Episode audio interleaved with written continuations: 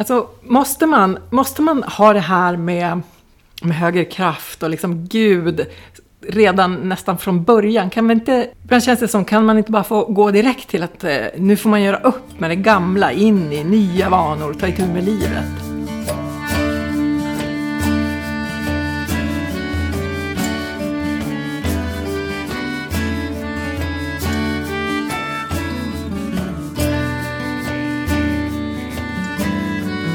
Du lyssnar på Brobyggepodden, en podcast om existentiella frågor och mänskligt liv i vår tid. Ja, behövs Gud som arbetshypotes egentligen? Ja, men alltså, och också vilken hjälp har du av din tro nu? Alltså, får du hjälp att behålla din mentala hälsa eh, med hjälp av, av din tro? Liksom? Idag ska vi prata om steg två vi kanske också nosar på steg tre, men vi, vi börjar i steg två idag. Men jag tänkte Per, eh, vad har vi med oss från förra steget, från det första steget av, av eh, de tolv? Det handlar ju om maktlöshet. Och vi kom ju fram till att om vi relaterar till klimatet så fanns det ju många typer av maktlöshet vi kunde känna. Både inför sitt eget, mitt eget beteende, inte sitt och, och andras beteende och, och den negativa rörelse som vi, som vi ser att vi obönhörligt rör oss med och mot. Mm, är, ja, som en, som en, att, att vi är på, i riktning mot en, en allt varmare värld och ja. alldeles för lite görs för att vända den här utvecklingen. Ja. Så steg ett är ett, ett steg där man, där man liksom står på botten och, och, och erkänner att jag behöver hjälp. Mm. Mm. Det finns ett jättestort problem och jag mm. behöver hjälp. Mm.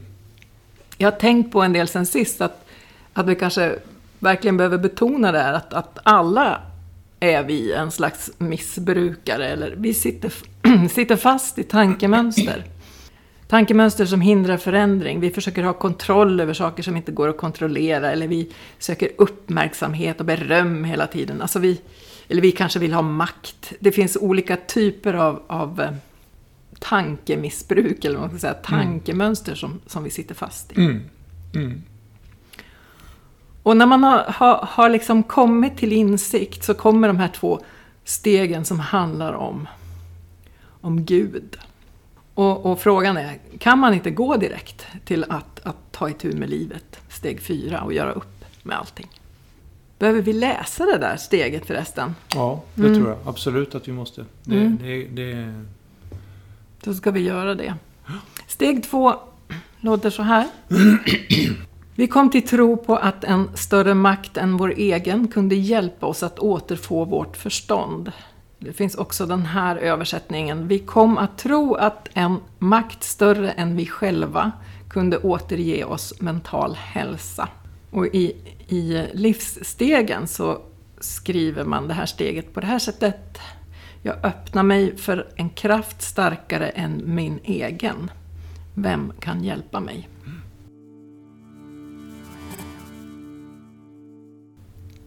Det tycker jag är ett väldigt eh, positivt sätt att formulera det. Jag öppnar mig.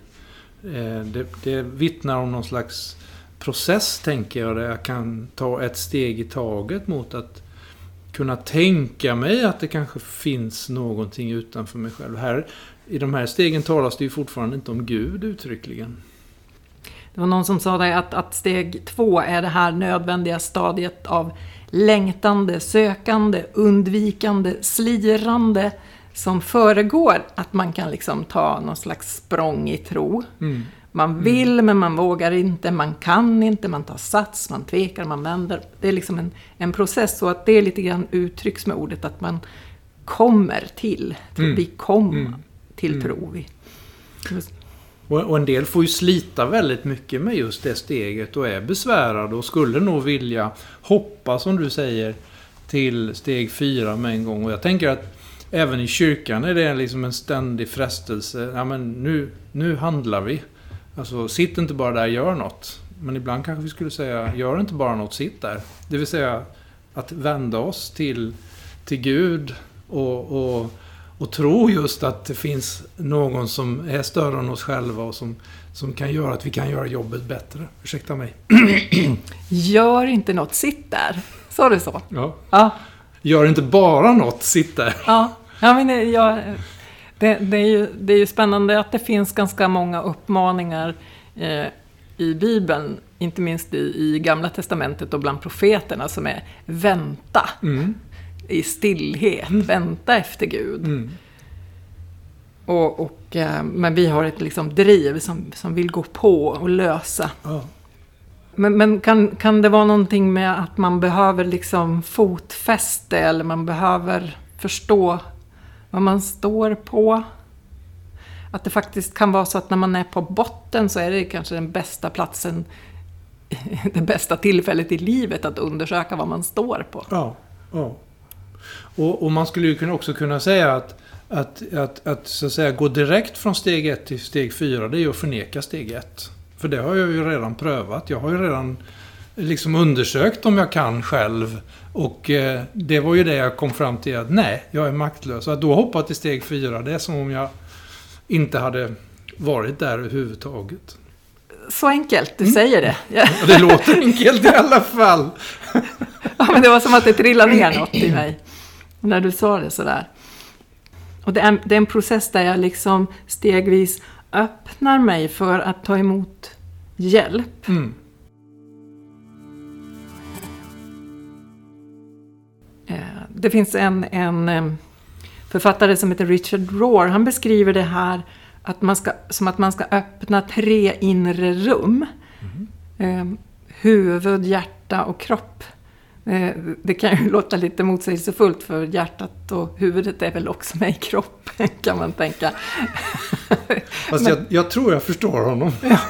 Det är liksom eh, mind, soul, heart, Mm. body.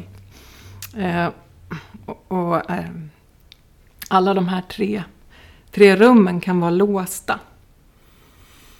Väcker det någon tanke hos dig? Ja, många tankar. För jag, jag, jag tänker, inte minst jag själv, men, men många också i den kristna traditionen har ju kanske bara öppnat huvudet.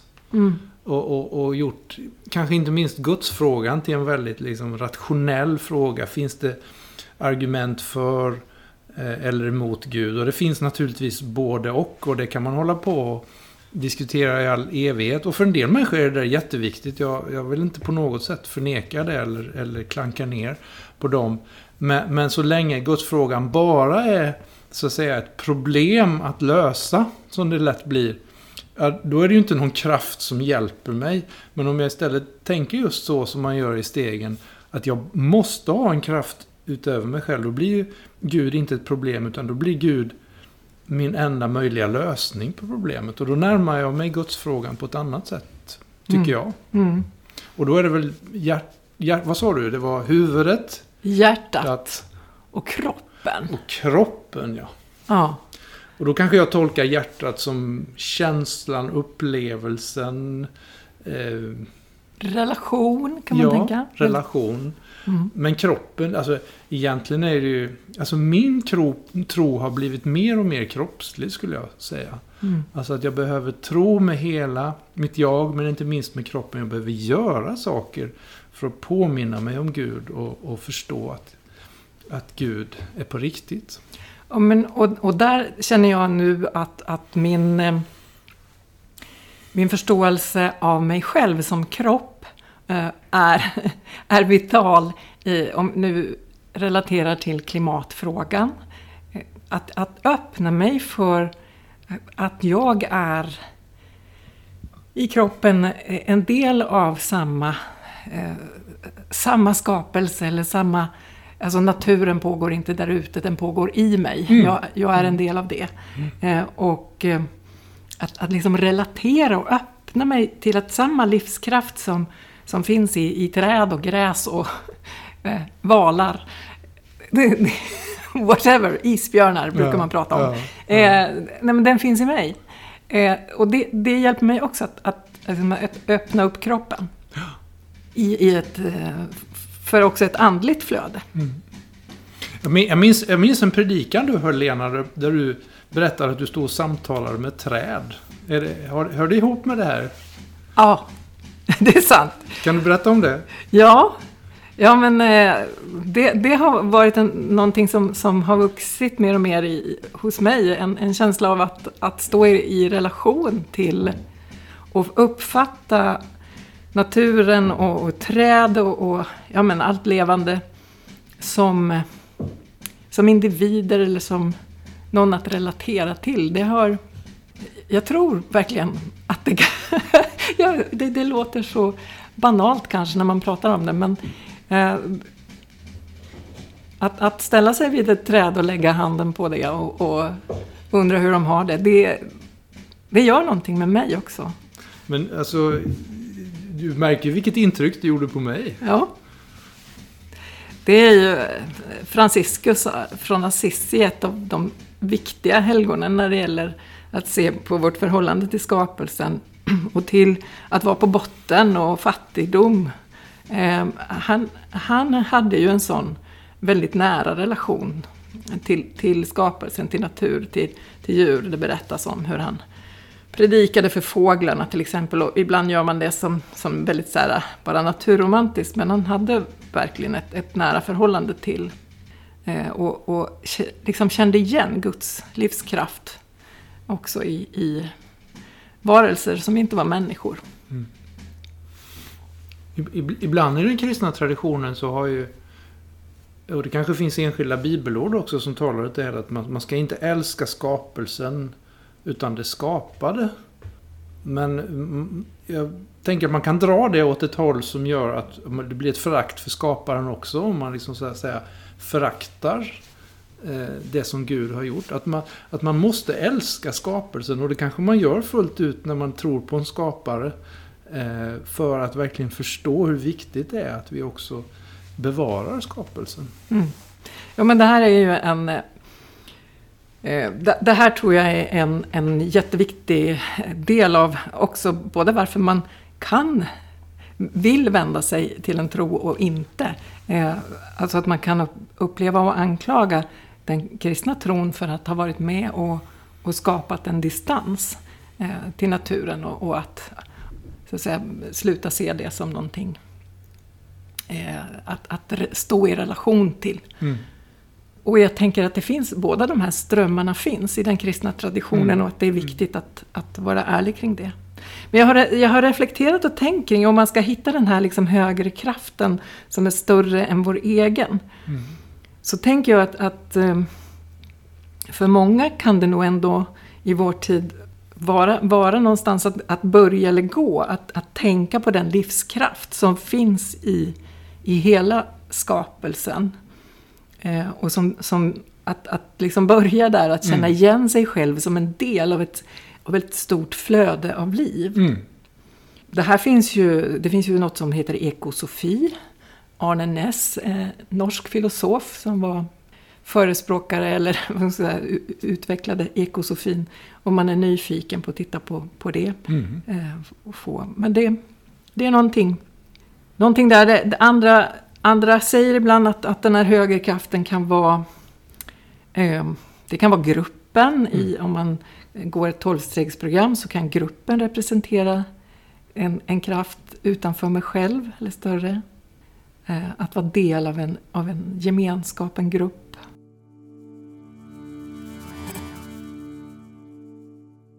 Men jag tänker att det, man måste ju ändå säga någonting om kvaliteten på den här högre makten. Om mm. den ska mm. hjälpa mig vidare så, så duger det väl inte riktigt med vilken kraft som helst. Nej.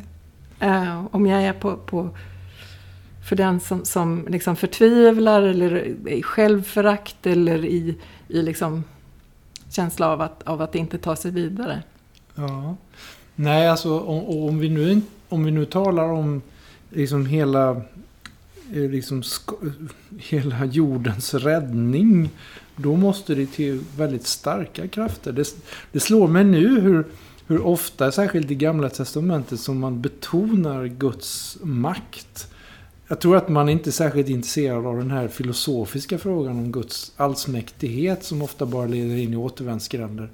Men att Gud är mäktig. Gud kan eh, Gud kan frälsa, för att använda ett bibliskt ord. Eller Gud kan rädda, återupprättas, ställa i ordning det som vi trodde var kört. Mm. Och det, och det blir ju eh, allra tydligast i att Gud uppväcker eh, Jesus Kristus från Mm. de döda. Där visar sig Guds makt Mm. på ett väldigt starkt sätt. Och det är ju Guds makt för livet. Ja, just det. Där, där kommer du till kvaliteten. Ja, just det. Att det är en makt för livet. Just det. Mm. Eh, Det är inte en destruktiv makt, eh, utan det är, det är liksom kärlekens makt.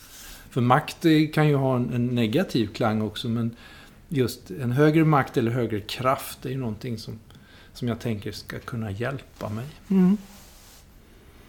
Tycker du, om jag, så här, rak fråga, tycker du att du har hjälp att, att eh, behålla ditt förstånd eller återfå ditt förstånd? Eh, hjälper din tro dig när det gäller att, att liksom hålla förståndet i, i vår tid? Ja. Jo, men det, jag, alltså, det tycker jag. Eh, ibland kan ju tron sätta förståndet, eh, eller utmana förståndet. Eh, och, och jag kan fråga mig hur kan det här vara möjligt? Men, men oftare så tänker jag att hur skulle jag överleva om det inte var för att jag trodde att det ändå finns mening, det finns eh, en, en kraft, det finns en, en grundare av, av allt detta. Eh, Jag skulle inte kunna liksom få ihop det då. Jag skulle Mm. inte få ihop tillvaron, jag skulle förtvivla. Mm. Mm. Jag kan ju känna att, att det, jag brukar säga, tror jag, att eh, det är ingenting som har prövat min tro som att vara i den här situationen som vi är som mänsklighet nu. Mm. Eh, när, jag, när jag tar in den och den maktlöshet vi pratade om förra gången. Så, så liksom att, att verkligen, var är, var är Gud i det här? Mm. Och för mig blir det då viktigt att Gud, att det finns berättelser om Gud som någon som är liksom mitt i stormen. Eller eh, någon som går med, någon som befriar och någon som inte med självklarhet visar sin makt genom, vad ska man säga, Dunder och brak. dunder och brak var väl ett ganska bra uttryck. Eller genom att bara liksom eh, knäppa med fingrarna och lösa saker. Eh, och, och där finns ju ganska många berättelser i, i Bibeln som hjälper mig att känna igen och, och liksom tro på en Gud som, som både har makt och eh, men som har en makt som liksom är mer eh, går tillsammans med Mm. eller Mm. eh, kommer, kommer underifrån. Mm. En av de bästa berättelserna, eller viktigaste i både, i både i Bibeln och jag tänker också i tradition som har använts så oerhört mycket är ju berättelsen om uttåget ur Egypten. Mm. Exodus brukar den kallas för, själva berättelsen bara. Om ni hör det begreppet, Exodus, uttåget. Just det. Kan, jag, jag har funderat om den berättelsen är, är, eh, kan relatera till mig som person nu. Att, att liksom i det här steg två och kanske mot steg tre, att Mm. överlämna sig, överlåta sig. Men också av, av vad vi står i som samhälle. Mm. Jag tänkte, jag måste sticka emellan där. Att jag, Mm. jag tänkte på den, den berättelsen häromdagen. Eller framförallt på hur, hur, den, hur den blir till. Och det är ju det är Gud som kallar på en uträknad person. En, en som är passé så att säga. Nämligen Mose som, som var uppfödd i hovet men som blir fåraherde. Och Gud säger till honom, du ska gå till farao och låta och kräva att mitt folk får vad då? Ja, det börjar inte med att de ska bli eh, nomader så att säga ute i öknen. Utan det börjar med att de ska fira gudstjänst. Mm. Och, och det tycker jag, man kan ju tycka att var, var det bara en undanflykt? Det låter lite patetiskt nästan. De behövde ju befrielse. Ja, men det börjar med gudstjänst. Det börjar med liksom att förstå vem befriaren är. Mm. Och då är vi tillbaka i det där att, att, att Guds... Inte Guds frågan utan Guds tillbedjan är starten. Ja, vad spännande.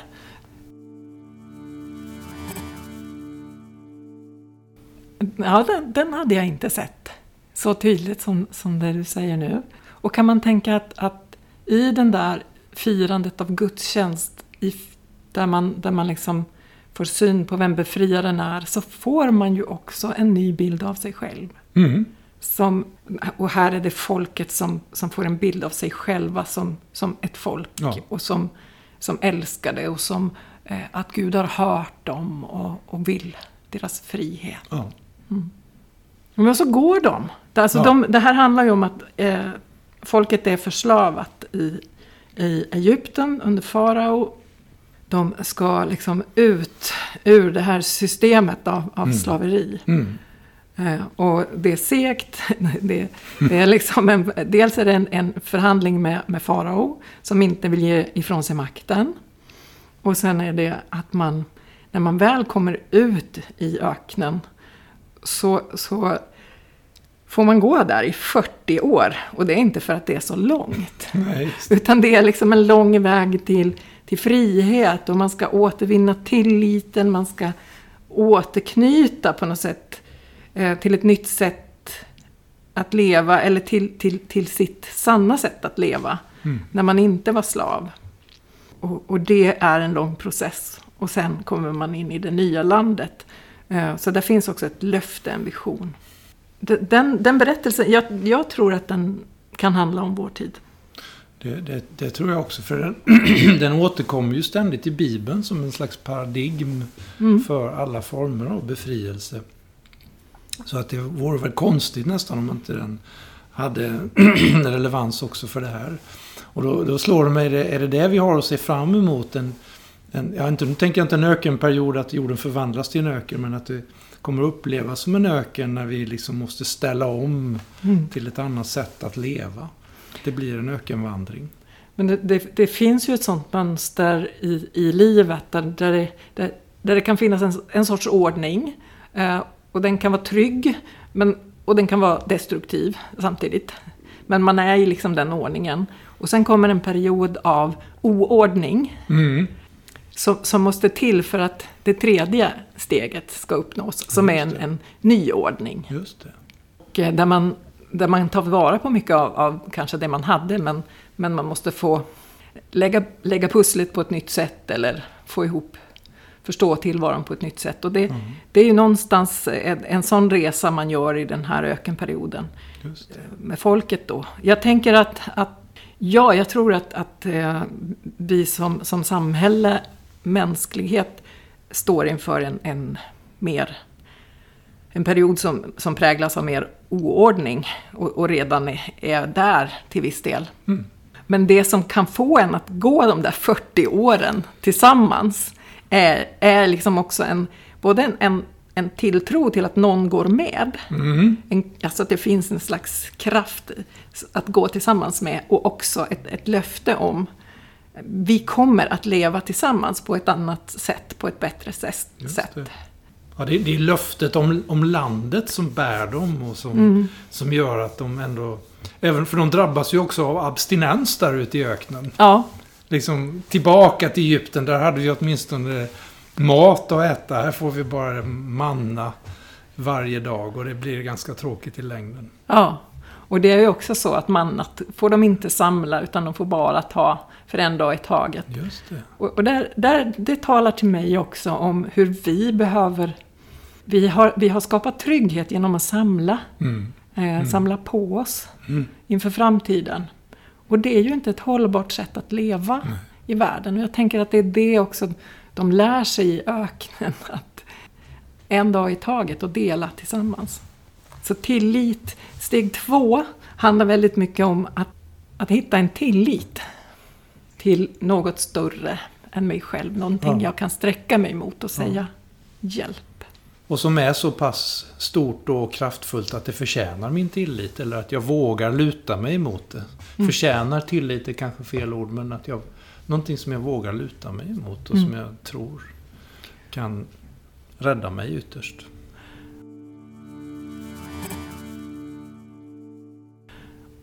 Men där vet jag att du har pratat om att, att eh, för den som är 12, eh, börjar med de 12 stegen för att bli fri från ett missbruk till exempel då, så kan man, så är det ibland svårt att hitta den där tron. Ja. Man gör ju inte, det är ju mer någonting som kanske dyker upp längre fram. Mm. Men att man får börja som om Mm.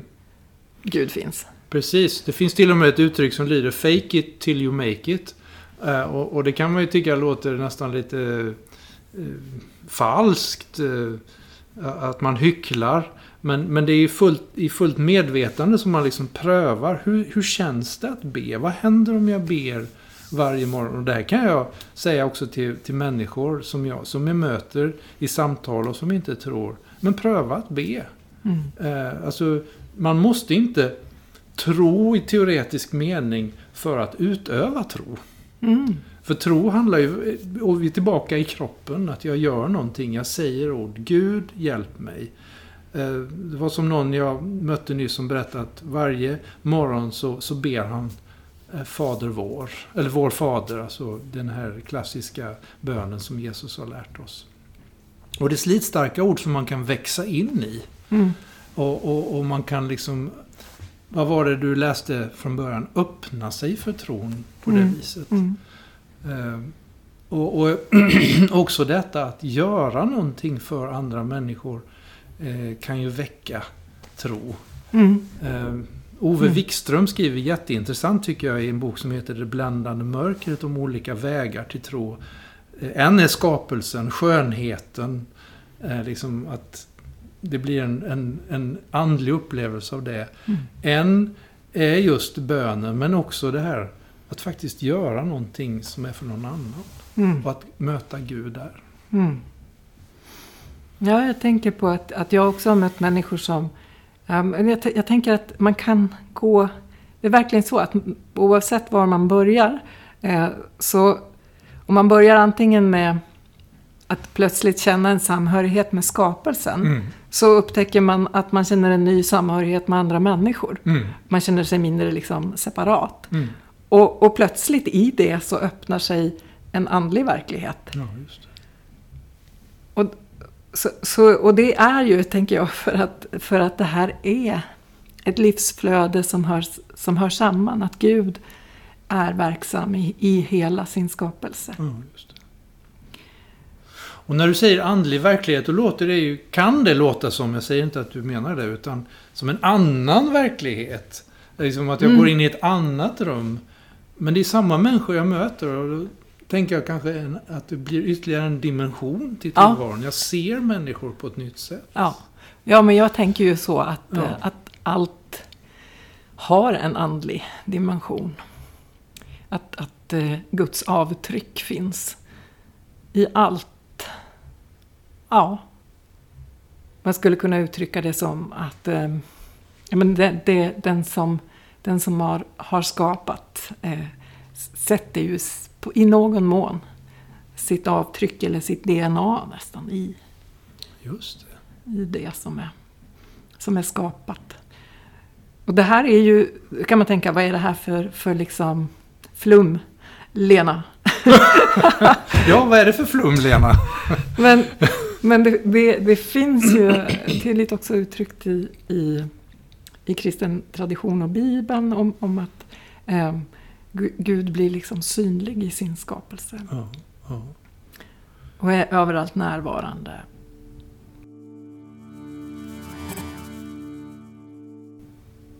Det handlar om, om att pröva att tänka nya tankar Mm. om hur tillvaron är beskaffad. Mm. Eh, och man kan pröva i något, något litet, så här litet hörn. Ja. Eller, eller man kan kasta sig in eh, raklång i någonting stort. Men jag tror också det är viktigt för, för mig och dig som har en tro eh, med oss, som har vuxit upp med den, att vi vågar ta den och låta den möta det som är nu. Och de, de, de konflikter, de kriser som är nu. Och liksom verkligen, ja men, eh, vad gör tron med mig och vad gör det här med min tro? Mm. För, för annars kan det också vara för oss så att vi, vi springer förbi de här stegen och, och försöker liksom jobba och rätta upp våra liv. Mm. Eh, men är inte förankrade i, i det som bär. Nej. Det som bär oss, där vi ska få vår kraft. Och det, det känner jag eh, blir för mig personligen jätteviktigt mer och mer. Att, att veta vad jag säger ja till, vad Mm. jag tror på, vad, vad jag längtar Mm. till. Och våga ifrågasätta sin tro. Ja. Också, eh, alltså det, det betyder inte att jag ifrågasätter Gud utan jag ifrågasätter mina tankemönster som jag bär med mig. Var kommer de ifrån egentligen? Är det här eh, nödvändigtvis en, en del av, av, en, eh, av en autentisk kristen tro? Eller är det bara ett kulturellt lager Mm. på något sätt? Och det, det tror, sen, sen tycker jag att det är så viktigt att lyssna till människor som, som har kommit till tro och särskilt de som har fått kämpa sig till en tro. För det säger, påminner mig om hur stort det är Mm. och att jag sitter på någonting som jag just behöver värdesätta mer än jag gör. Så, så att, och då blir ju delandet, och det är ju så viktigt i tolvstegssammanhang att man delar eh, sina livserfarenheter. Och det tror jag att när kyrkan fungerar som bäst så är den också en plats för delande av våra livserfarenheter, våra andliga erfarenheter och hur vi kom till tro. Mm. Jag fick faktiskt en, en, bok av en god vän som är tolvstegare som hette Kom till tro. Hon tyckte det var väldigt roligt att få ge den till en pastor. Men där fanns det ju sådana starka vittnesbörd just om hur människor som hela livet gjort motstånd mot Gud ändå fick komma fram i det andra steget till att Gud måste finnas. Mm. Gud måste finnas om jag ska överleva. Mm. Mm. Och, och ibland så beskrivs det ju som någon slags vad ska man säga, någon slags svaghets... Eller nå, det är liksom Gud är för dem som inte eh, är starka nog eller... Eh, Just det, liten och klen går till Frälsningsarmén, Ja. stor och stark går till Folkets park. ja. Och, och att man kan, ha, man kan ju ha fördomar kring, kring det. Och jag skulle säga, ja absolut. Eh, Alltså, eh, Gud är för oss som behöver ropa efter hjälp. Ja. Ja. det är... Ju mer jag, hjälp jag hö- behöver. Och jag tror ju bara att vi, vi alla behöver hjälp. Mm. Eh, nej, jag funderar mycket på, som sagt var, vad, vad gör tron med mig? Jag tänker, jag tänker att, att min tro gör mig ändå något mindre rädd för den förändring som ligger framför oss nu. Den, den som kommer, vare sig vi vill det eller inte. Ja. Som antingen för att vi ställer om eller för att vi inte ställer om. Mm. Eh, och det är eh, att tro på att det i detta finns en kraft som ändå går med oss och som går med till botten, liksom, går, Mm. går in i det svåraste. Och jag tycker också att berättelsen om, om Jesus och Jesu död är en sån berättelse som, som, som verkligen ställer sig där människan visar sina allra värsta sidor. Och också där fortsätter Gud att vara kärlek, att stå kvar, att vilja livet. Mm. En, en av de finaste sånger jag vet är Du som gick före oss längst in i ångesten Hjälp oss att finna dig, Herre, i mörkret. Mm. Där finns Gud, där möter han oss. Mm. Och leder oss naturligtvis vidare mot ljuset också. Mm. Och då får du ha förståelse, du som lyssnar, för oss när vi pratar om Gud som att vi vet vem Gud är och vi kallar Gud för han och för Jesus. Och det är, vår, det är vår tro och vår väg. Och men känn inte att det nödvändigtvis hindrar dig i ditt sökande. Utan du får göra, eh, ge, ge dig ut i det som, som känns möjligt för dig att ge dig ut i. Eller ge dig in i kanske snarare. Ge dig in i. Det är bra. Mm. Öppna dig för. Mm. Vad har vi sagt om steg två? Har steg två någonting att ge oss i den här situationen Per? Ja, den är ju... Den är ju, som varje steg så är det ju avgörande kan man säga. Och vi har konstaterat att eh, om vi ska ta steg ett på allvar så måste vi ta steg två och vi kan absolut inte hoppas till steg fyra. Vi måste, vi måste ge tid och rum för den här kraften som är större än oss själva. För den har ju uppenbarligen inte fungerat och varit tillräcklig. Mm. Jag tänker att, att en del av, av... eh, Det går också att uppfatta den situation som vi är i, där vi har den här konsumtionshysterin eh, och, och eh, där vi tror att vi måste äga så mycket eller bli snuskigt rika. Mm. Eh, Sådana saker som driver liksom den, den ekologiska krisen och klimatkrisen. Att det delvis handlar om att vi gör oss avgudar. Eh, Att Ja, vi, det. att vi dyrkar något annat. Eller att vi försöker mätta oss med det som inte mättar. Mm. Ungefär som när man är i ett beroende, när man försöker mätta sig med något som inte funkar så måste man hela tiden ta mer och mer. Mm. Men jag tror och tycker att det finns någonting i kvaliteten hos Gud som säger mig att om jag mättar mig med det som funkar behöver jag mindre Mm. och mindre Mm. för att känna mättnad Mm. Mm. eller lycka. Pröva det. Vi eh, kom till tro på att en kraft större än vår egen kunde hjälpa oss att återfå vårt förstånd eller återge oss mental hälsa. Jag öppnar mig för en kraft större än min egen, starkare än min egen. Vem kan hjälpa mig? Så kan vi var och en fundera över det. Vad skulle kunna vara, vem skulle kunna vara en större kraft i mitt liv? Nästa gång kommer vi prata om steg tre och det handlar om att, att eh, ta emot den hjälp jag kan få. Mm. Om att överlämna sig, släppa tag. Mm. Får önska alla lyssnare en god fortsatt resa.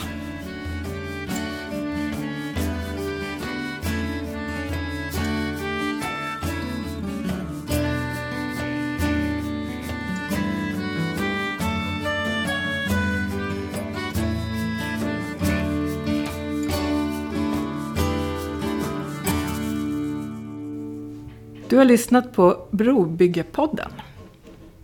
Läs gärna mer på brobygge.se eller följ oss på Instagram, Brobyggepodden. Det här avsnittet spelades in på Bromma folkhögskola i musikprogrammets lokaler. Så om du någon gång hör lite trummor eller andra glada ljud i bakgrunden så vet du.